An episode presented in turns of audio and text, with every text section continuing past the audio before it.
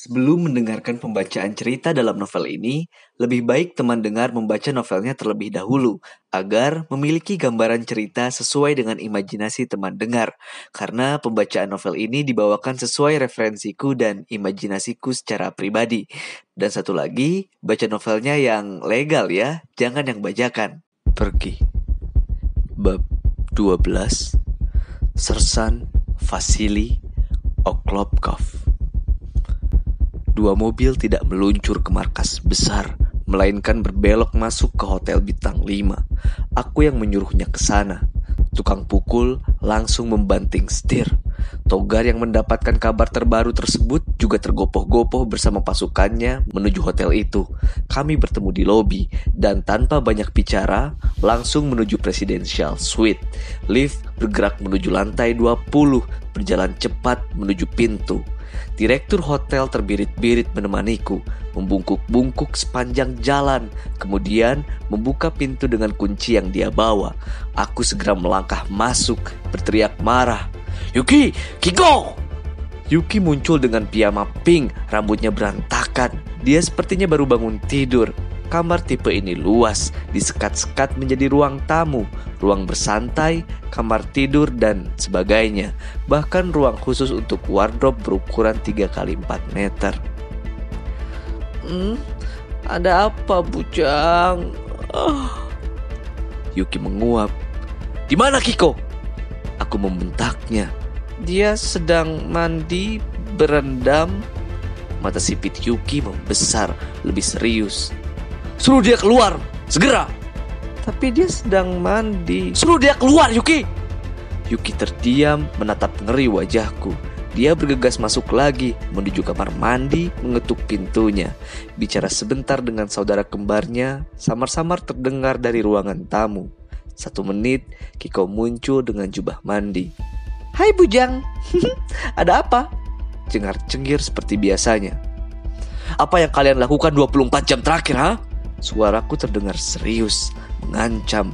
Bahkan Togar yang berdiri di belakangku terdiam mematung. Dia jerih mendengar suaraku. Juga direktur hotel yang pucat. Berlibur bujang, apalagi ini presidential suite. Yuki segera menyikut perut Kiko.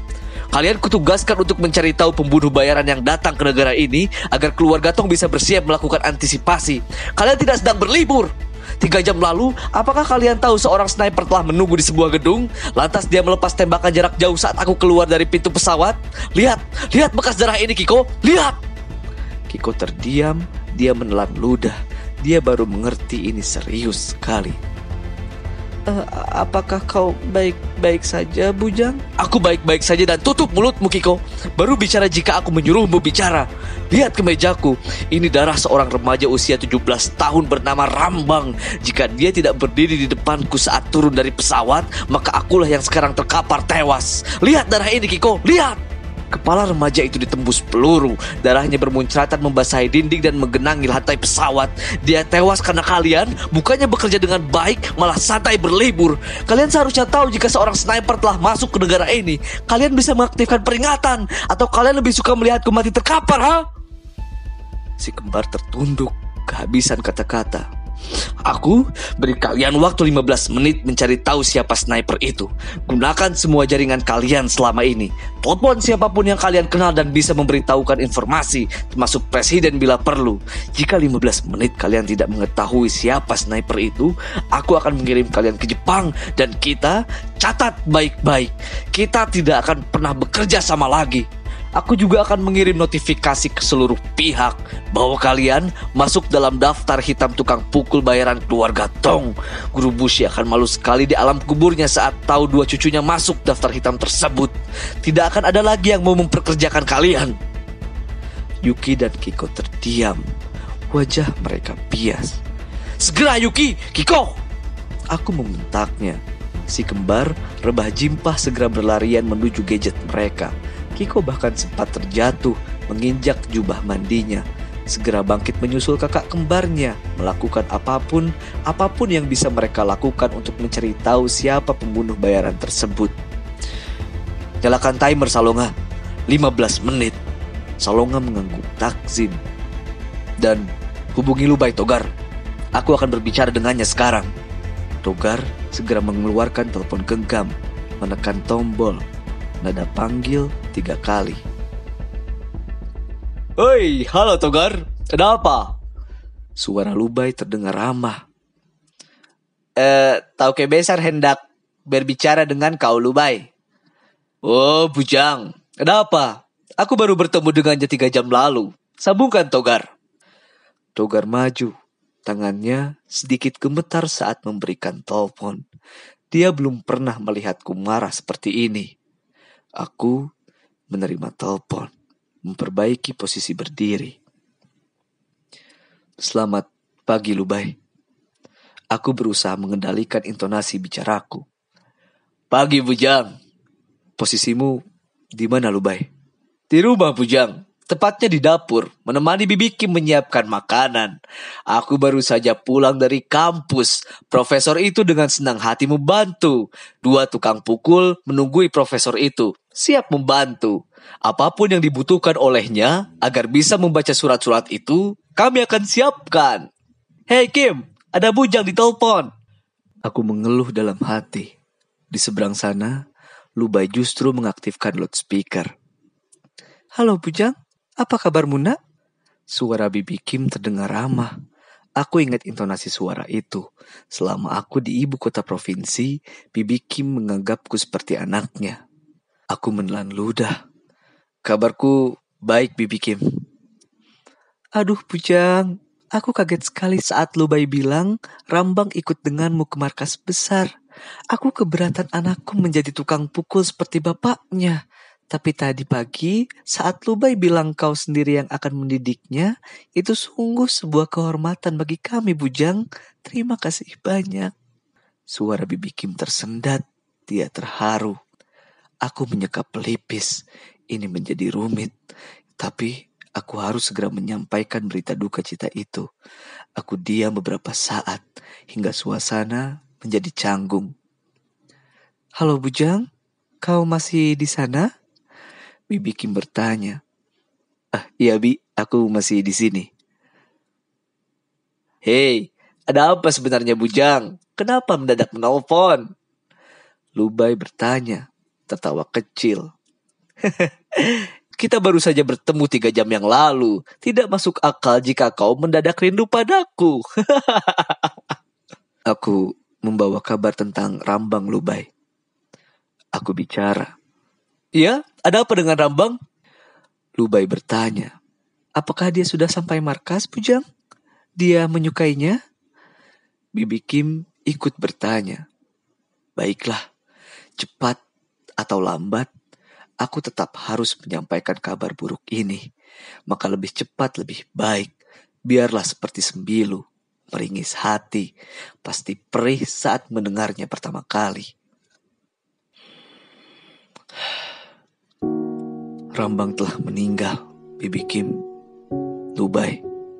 Pagi ini, tiga jam lalu, dia melakukan tindakan paling terhormat yang bisa dilakukan oleh seorang anggota keluarga Tong. Dia adalah anggota keluarga Tong paling hebat. Dia berdiri di depanku, melindungi tauke besarnya dari tembakan sniper jarak jauh. Putra bungsumu telah meninggal. Belum habis kalimat itu, Bibi Kim sudah menjerit histeris. Percakapan itu berjalan buruk sekali. Bibi Kim terus menjerit tidak percaya, sementara Lubai seperti kehilangan kata-kata berusaha menenangkan istrinya. Tapi dia sendiri tak kuasa menerima kabar itu. Aku baru mas jemari.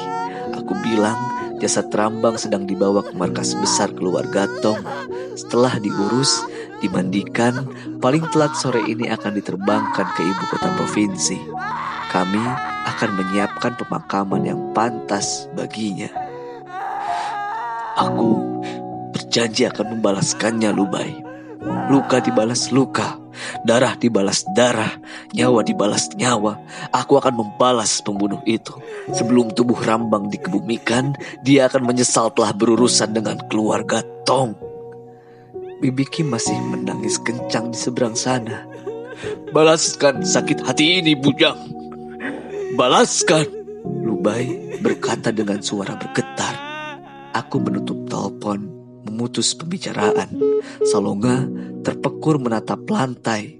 Togar terdiam sekali lagi dengan tangan bergetar menerima telepon genggam. Ruangan itu lengang sejenak. Tujuh menit, Yuki dan Kiko keluar dari kamar mereka. Yuki maju patah-patah, membawa gadget. Kiko berdiri di belakangnya, menunduk. Pertama-tama, aku sungguh minta maaf atas kejadian ini, Bujang. Sungguh, aku dan Kiko mengaku bersalah. Siapa sniper itu, Yuki? Yuki menyerahkan gadget di tangannya. Sersan Vasily Oklopkov, Bujang. Lewat kontakku di imigrasi beberapa negara, Sersan Vasily Oklopkov satu hari lalu tercatat telah terbang dari Polandia menuju kota ini. Dia transit sebentar di Singapura. Manifest perjalanannya terkonfirmasi positif. Dia tiba tadi malam pukul satu dini hari dan setelah mendapatkan perlengkapan serta senjata M24, dia segera menuju salah satu gedung di dekat bandara. Aku menatap foto di gadget. Wajah sniper itu terlihat. Laki-laki berusia 50 tahun mengenakan seragam militer bekas Uni Soviet. Wajahnya dingin, ada bekas luka di pipi kanannya. Dia persis seperti seorang pembunuh bayaran, sniper yang biasa dibayangkan oleh orang lain. Aku mengenalnya. Salonga menghela napas. Vasily adalah salah satu penembak jitu dari bekas negara Uni Soviet. Dia bisa menembak jitu dari jarak 2000 meter. Salah satu yang terbaik. Karir militernya mentok di pangkat sersan saat Uni Soviet bubar. Tapi karirnya sebagai pembunuh bayaran moncer tak terkira. Pembunuhan seorang presiden di Afrika beberapa bulan lalu dikaitkan dengannya. Rekornya adalah 100% dari 50 lebih korbannya tidak pernah ada targetnya yang gagal dan dia salah satu dari tiga pembunuh dengan bayaran terbesar di dunia. Kontraknya minimal 5 juta dolar US, tidak ada negosiasi. Take it or leave it. Dibayar dalam bentuk batang emas murni. Yuki mengangguk. Menurut informasi terpercaya, dia dibayar 25 juta dolar oleh Master Dragon jika berhasil membunuh Pujang lima kali lipat dari kontrak minimalnya. Separuh dibayar di muka, sisanya setelah misi selesai. Kalian tahu di mana posisinya sekarang? Yuki menggeleng. Dia boleh jadi berada di mana-mana saat ini, Pujang. Mengintai, menunggu kesempatan berikutnya. Bagaimana dia tahu pesawat Tauke Besar akan mendarat pagi ini? Apakah ada pengkhianat yang membocorkan jadwal mendarat? Togar bertanya, akhirnya ikut dalam percakapan. Dia sepertinya tidak tahu persis Togar.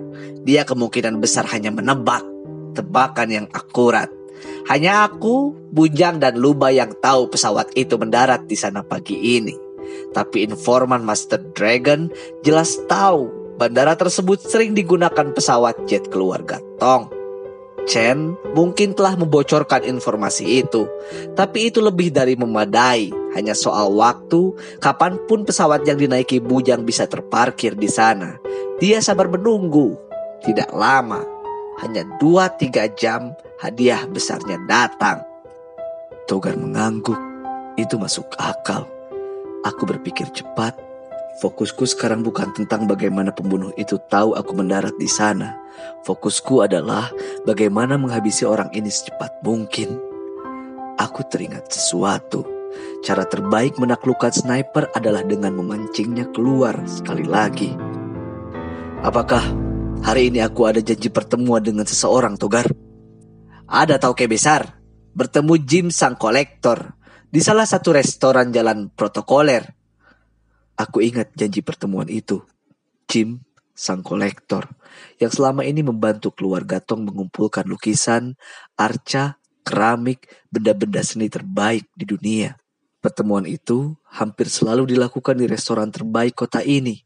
Lokasinya di lantai tiga, menghadap jalan protokoler. Ada tiga atau empat gedung tinggi di seberangnya. Itu sepertinya lokasi yang ideal. Baik, Bocorkan informasi itu secara sengaja, Togar. Aku ingin si Vasili ini tahu jika aku akan muncul di sana. Apa yang sedang kau rencanakan, Bujang? Salonga menatapku serius. Menghabisi si Vasili. Tidak, Bujang. Muncul secara terang-terangan di tempat umum adalah langkah terburuk menghadapi seorang sniper. Kau harus memikirkan strategi counter sniper, mulai dari menyatu dengan sekitar, tidak mencolok, juga mengubah jadwal perjalanan, menggunakan decoy, tidak menggunakan pola yang sama. Oh ya? Lantas kita membiarkan dia mengintimidasi kita? Aku punya rencana, Salonga.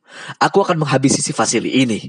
Aku sudah berjanji dengan Lubai dan Bibi Kim. Pembunuh itu akan mendapatkan balasan sebelum Rambang dikebumikan.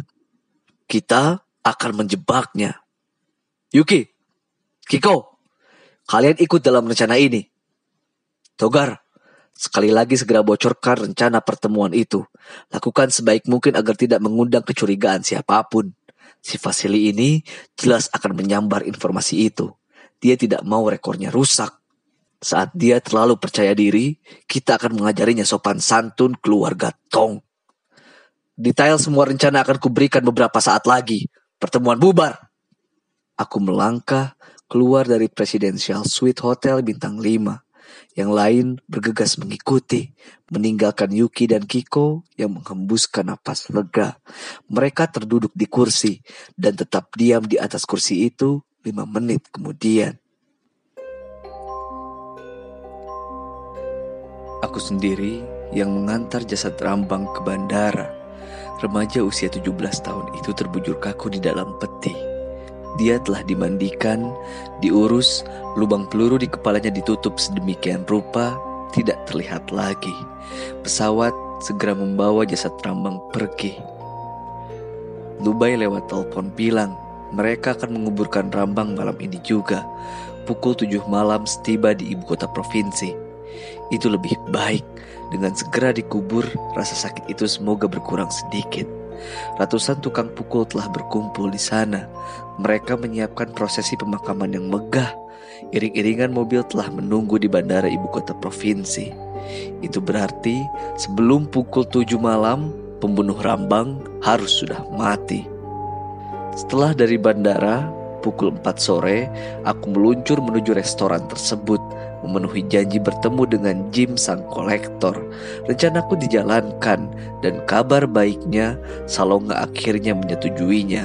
Dia bahkan menambahkan beberapa sentuhan agar jebakan itu tidak terdeteksi oleh Sersan Vasili. Saran yang sangat penting karena Salonga tahu psikis seorang pembunuh bayaran. Dia pernah melakukan profesi itu, meski bedanya dia adalah penembak pistol jarak dekat. Rencanaku harus berjalan senormal mungkin. Yang pertama, informasi itu tidak dibocorkan oleh keluarga Tong dari kota ini. White di Hong Kong yang membocorkannya. Dia mengirimkan kabar itu melalui salah satu rekan marinirnya. Kemudian seperti kartu remi yang roboh berbaris, berita itu akhirnya tiba di telinga Master Dragon. Lantas, Master Dragon sendiri yang menelpon Vasili itu jelas akan disambar Vasili karena yang memberitahu adalah Master Dragon. Dia tidak berpikir sesenti pun kalau itu jebakan. Yang kedua, restoran itu ditutup untuk umum. Lantas dibanjiri oleh banyak tukang pukul. Keberadaan tukang pukul itu seolah sebagai pesan kami serius menanggapi kejadian tadi pagi. Tukang pukul berbaris menjadi pagar hidup. Vasili akan melihatnya dari jarak jauh Bujang benar, Vasili terkenal congkak dan kadangkala terlalu percaya diri. Saat melihat kerumunan pagar hidup, dia akan tertawa meremehkan. Pukul 16.45, 15 menit sebelum pertemuan, Vasili sudah berada di salah satu dari tiga gedung di seberang restoran ternama. Dia tertawa kecil saat melihat lewat teleskopnya. Dasar bodoh, aku tetap bisa membunuh seseorang meski dengan ratusan pasukan melindunginya. Dia memang bisa tetap membidik kursi sasaran di celah-celah tukang pukul. Yang ketiga, aku sengaja datang terlambat. Jim sang kolektor tiba 16.57. Manajer restoran mengantarnya ke meja paling baik. Jim sang kolektor duduk menunggu di sana. Berkali-kali melihat jam, berkali-kali bertanya kepada tukang pukul di sekitarnya. Masih berapa lama lagi Tauke besar tiba? Tukang pukul bilang, tidak tahu. Itu juga saran dari Salonga. Vasili akan sabar menunggu. Dia justru memang berekspektasi kali ini tidak semudah sebelumnya. Dia akan menduga Tauke besar mungkin ragu datang. Mungkin bahkan membatalkan pertemuan. Persis saat dia akhirnya melihatmu, dia akan tertawa lagi. Pukul 17.50, hampir lewat satu jam dari janji bertemu, aku akhirnya muncul. Vasili bisa melihat dari teleskop. Dia tertawa. Bajingan ini akhirnya datang juga. Vasili memastikan sekali lagi arah dan kecepatan angin. Senjata M24-nya telah siap dari tadi. Di restoran, aku bersalaman dengan Jim sang kolektor. Vasili berhasil menemukan celah terbaik di antara dua kepala tukang pukul yang menjadi pagar hidup. Dia persis membidik jantungku. Pukul 17.52, Vasili tersenyum. Selamat tinggal, kawan. Dia menarik pelatuk senjata, peluru melesat cepat di atas jalan protokol, menghancurkan kaca restoran, melewati celah dua kepala tukang pukul. Nabrak sesuatu, peluru itu terpelanting jatuh. Yang keempat, Salonga menyarankan memasang kaca anti peluru persis di dekat meja tempatku bertemu dengan Jim sang kolektor. Peluru memang tepat mengincar jantungku, tapi tidak berhasil menembus benteng terakhir, tergeletak di lantai restoran. Vasili menelan ludah, apa yang terjadi? Kenapa tembakannya gagal? Aku terlihat sehat walafiat di kursi. Dia berpikir cepat. Lima detik, dia tahu ada kaca anti peluru di bawah sana. Dua detik kemudian, dia tahu ini jebakan. Dia segera bangkit, berdiri, mengambil koper senjata, membereskan peralatan. Tapi dia telah terlambat. Di bawah sana, aku, Yuki, dan Kiko telah tahu di mana persis posisinya menembak. White mengirimkan bumerang dari Hong Kong. Benda itu dikembangkan oleh DARPA Amerika Serikat, alat counter sniper. Alat itu menggunakan sensor super untuk mendeteksi sonic shockwave yang dikeluarkan oleh peluru yang melesat cepat. Sensor akan segera mengklarifikasi, melokalisasi, lantas menunjukkan dari mana titik tembakan berasal. Togar yang bertugas membaca alat itu dari salah satu mobil van di dekat restoran. Kemudian memberitahuku 15 detik pertama setelah tembakan. Tembakan itu berasal dari gedung 15 lantai di seberang restoran, persis dari sayap kanan lantai 6. Salah satu jendela kaca terbuka. Vasili mengintai di situ. Aku segera melesat cepat dari bawah gedung, disusul Yuki dan Kiko. Aku, ya, itu saran dari Salonga. Yang kelima, aku menggunakan body double. Yang menemui Jim sang kolektor bukan aku, melainkan model. Seorang aktor dengan perawakan mirip denganku. Lantas make up artis kelas Hollywood membuat wajah, rambut, tampilannya 99% seperti aku. Vasili terlalu percaya diri. Dia bahkan tidak perlu memastikan sedetik pun apakah itu sungguh targetnya atau bukan. Karena terlalu percaya dengan telepon Master Dragon sebelumnya dia telah melepas tembakan. Itu berarti dia telah memukul lonceng kematian sendiri. Lokasinya diketahui. Aku yang bersiap di seberang bersama Yuki dan Kiko sekarang berlarian menaiki anak tangga darurat. Pintu lift telah dimatikan oleh tukang pukul yang sejak tadi berjaga di tiga kemungkinan gedung lokasi fasili. Tubuhku melenting cepat terus naik. Di bawah, Yuki dan Kiko tidak kalah sigap. Mereka kali ini mengenakan pakaian hitam-hitam bebat hitam di kepala, tampilan mereka amat serius, seperti ninja terbaik didikan langsung dari guru Bushi.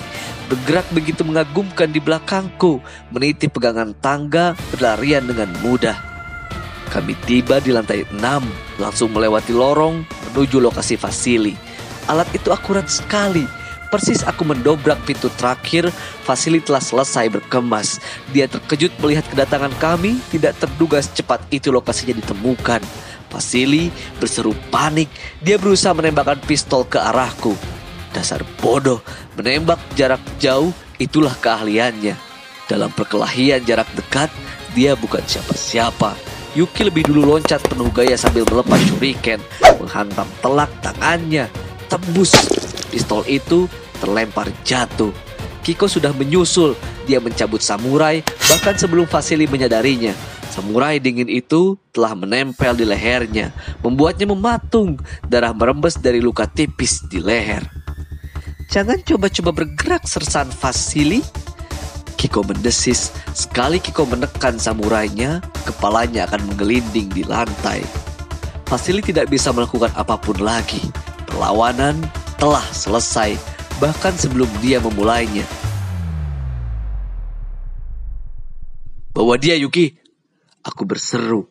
Yuki mengangguk, membuat gerakan cepat, mengikat tangan Vasili, lantas menariknya paksa agar mulai melangkah.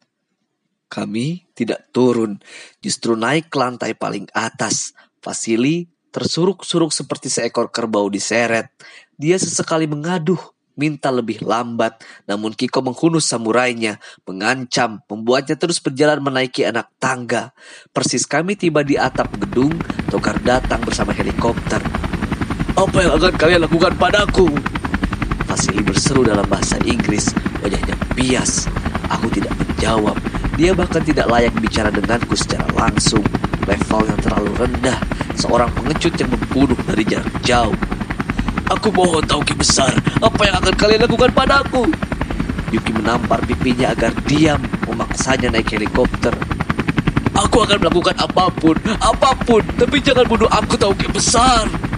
Vasili berteriak serak, sudah di atas helikopter. Aku mengangkat tangan, memberi perintah. Helikopter segera pergi, meninggalkan atap gedung. Ada Togar di sana bersama dua tukang pukul membawa Vasili. Aku mohon! Suara Vasily masih terdengar samar sebelum helikopter itu menghilang dari balik gedung-gedung. Matahari bersiap tumbang di kaki barat sana. Atap gedung lengang, lima menit tetap lengang, hanya kesiur angin pelan menerpa wajah. Pujang, sekali lagi aku sungguh minta maaf.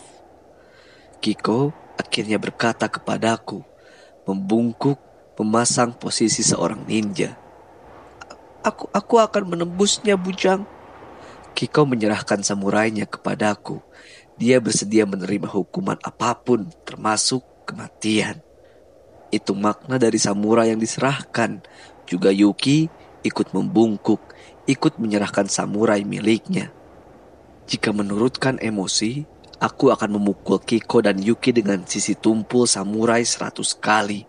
Seperti yang dilakukan guru Bushi kepada mereka waktu kecil dulu. Memukuli si kembar dengan bambu saat mereka terus bermain-main bukannya berlatih. Tapi tidak, aku adalah seorang tauke besar sekarang. Aku harus bertindak seperti seorang tauke. Aku memaafkan kalian. Aku berkata pelan mengembalikan samurai itu ke tangan Yuki dan Kiko. Lagi pula, kalaupun kalian berhasil mendeteksi kehadiran sniper itu, memberikan peringatan, tetap tidak ada yang bisa mencegahnya melepas tembakan pagi tadi. Dia bisa ada di mana pun. Ini adalah peperangan, apa pun bisa terjadi. Waktu, tempat, pelaku, kita tidak bisa mengendalikan semuanya. Itu bukan seluruhnya kesalahan kalian. Yuki dan Kiko saling pandang, lantas menatapku. Aku mengangguk. Aku memaafkan mereka. Terima, terima kasih Bujang. Kiko mengangguk, pelan diikuti oleh Yuki. Kembali ke base camp kalian Yuki, Kiko. Dan kali ini, pastikan kalian bekerja dengan baik. Sebarkan ke seluruh dunia. Fasili gagal melaksanakan tugas. Tauke besar keluarga Tong sendiri yang menghabisinya. Si kembar menurut, segera meninggalkan atap gedung. Tapi besok-besok, setelah kasus ini selesai, si kembar tetap tidak berubah. Mereka selalu bermain-main. Itu sudah menjadi tabiat cucu guru Bushi. Aku masih di sana hingga pukul tujuh malam, menunggu kabar dari Togar dan kabar dari ibu kota provinsi. Togar akhirnya menelpon, tugasnya telah dilaksanakan jam 7 persis saat jasad Rambang akhirnya tiba di ibu kota provinsi. Saat Bibi Kim menangis memeluk peti mati putra bungsunya, aku menelpon Lubai sambil menatap lampu gedung-gedung, lampu mobil-mobil merayap di jalanan yang padat, langit gelap, dan awan hitam bergumpal menutupi bulan dan bintang di atas sana. Segelap hatiku sekarang. Pembunuh putramu baru saja menerima pembalasannya, Lubai. Apakah apakah dia telah tewas? Iya, tapi aku tidak menembak kepalanya juga tidak menebas lehernya dengan pedang. Dia dibawa oleh Togar dengan helikopter ke Gunung Berbatu. Dari ketinggian seribu meter lebih, tubuhnya telah dijatuhkan hidup-hidup dengan mata terbuka, tangan dan kaki tidak diikat. Satu menit lalu, dia telah merasakan sensasi saat kematian itu tiba Lubai. Itu pembalasan baginya. 1000 meter lebih itu berarti 15 detik sebelum tubuhnya menghantam batu dan sebagai tambahan Togar menyemprotkan obat pencipta halusinasi agar waktu terasa berjalan lebih lambat 10 kali kepadanya itu berarti berdebah itu akan merasakan sensasi seolah selama 150 detik sebelum tubuhnya menghantam cadas bebatuan. Dia tahu persis bagaimana merasakan kematian menjemputnya detik demi detik selama 150 detik dalam halusinasi terburuk yang pernah ada. Sama seperti saat dia membidik target sasarannya selama ini. Kali ini dialah yang dalam posisi itu. Kematian menjemputnya tak bisa dihindari. Dari video yang dikirimkan oleh Togar, pengecut itu menangis terisak terkencing-kencing membuat lantai helikopter tergenang air kencingnya, memohon ampunan tapi Togar menendangnya tanpa ampun keluar dari helikopter. Tubuhnya meluncur jatuh di dalam gelap malam, hancur seperti sebuah apel dilindas truk besar di bebatuan gunung. Semoga Trambang beristirahat damai di sana, Lubai. Dia telah membuktikan posisinya sebagai anggota keluarga Tong, melakukan tindakan paling terhormat yang bisa dilakukan seorang tukang pukul terbaik. Dia pergi dengan segenap kehormatan. Terima kasih, Bujang. Terima kasih telah membalaskan sakit hati ini. Lubai berkata lirih. Samar di belakang sana, Bibi Kim terdengar menangis. Aku menutup telepon. Malam ini, aku telah menjadi monster yang tak lagi kukenali. Rasa marah, dendam, Isak tangis Bibi Kim membuatku menyuruh sebuah pembalasan tak berperi. Aku tadi siang bahkan nyaris menyuruh Togar mengirim pembunuh untuk menghabisi keluarga Vasili di Belarusia, membunuh empat putrinya dan istrinya. Beruntung, Salonga bergegas merangkul bahuku, berbisik agar aku tidak melakukannya atau besok-besok menyesali perintah tersebut. Aku mengusap wajahku yang kebas setelah peristiwa ini Apa pun hasil peperangan dengan Master Dragon, maka ke manakah aku akan membawa keluarga Tong pergi? Dan lebih penting lagi, ke mana aku sendiri akan pergi?